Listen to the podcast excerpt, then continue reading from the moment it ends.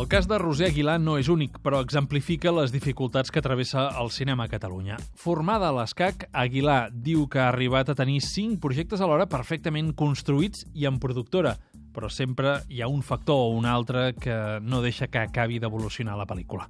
Aquesta situació fa que hagi hagut de donar moltes explicacions a familiars i amics que no ho entenen. Portes no sé quants anys i tens el guió, tens la productora, heu rebut ajuts, com és que encara? Doncs perquè a vegades es necessita mínim mig milió d'euros, per exemple, i en tens 200.000 d'aquí, 30.000 d'allà...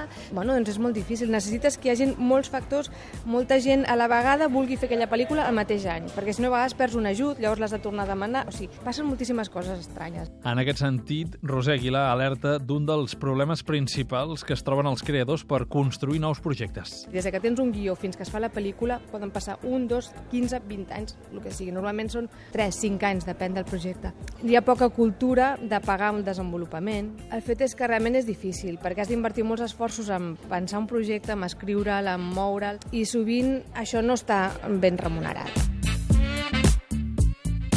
Amb aquest context, és evident que cal paciència i molta passió per la feina. Però Roser Aguilar diu que no té pressa, que prefereix anar més a poc a poc si això ha d'enfortir el projecte i aprofitar per fer curtmetratges. En aquests moments està a punt de rodar-ne un, mentre espera llum verda per l'esperat llargmetratge. Ara mateix estic amb dos projectes molt potents. Un és un guió meu, que es diu Brava, un altre és un guió que no és meu, però que m'agrada molt, que és un altre estil, que és una comèdia, que es diu Finales Felices.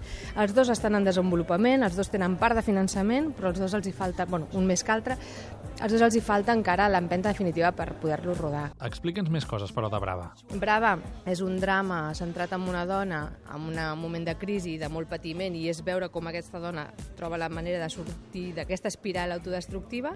I tenim, a més amb el càsting, estem amb la Laia Marull, estem amb el Lluís Omar, el Pablo Derqui, és una pel·li que s'ha de rodar a l'Empordà, vull dir, hi ha molts ingredients que realment penso que és una pel·li potent. I de Finales Felices? Finales Felices és una història que em va arribar per un guionista que es diu Juanjo Moscardó, que és valencià. Era una història que al principi tirava més cap al drama, una història coral d'una família en un moment de canvi, una crisi a nivell de relacions i d'històries d'amor.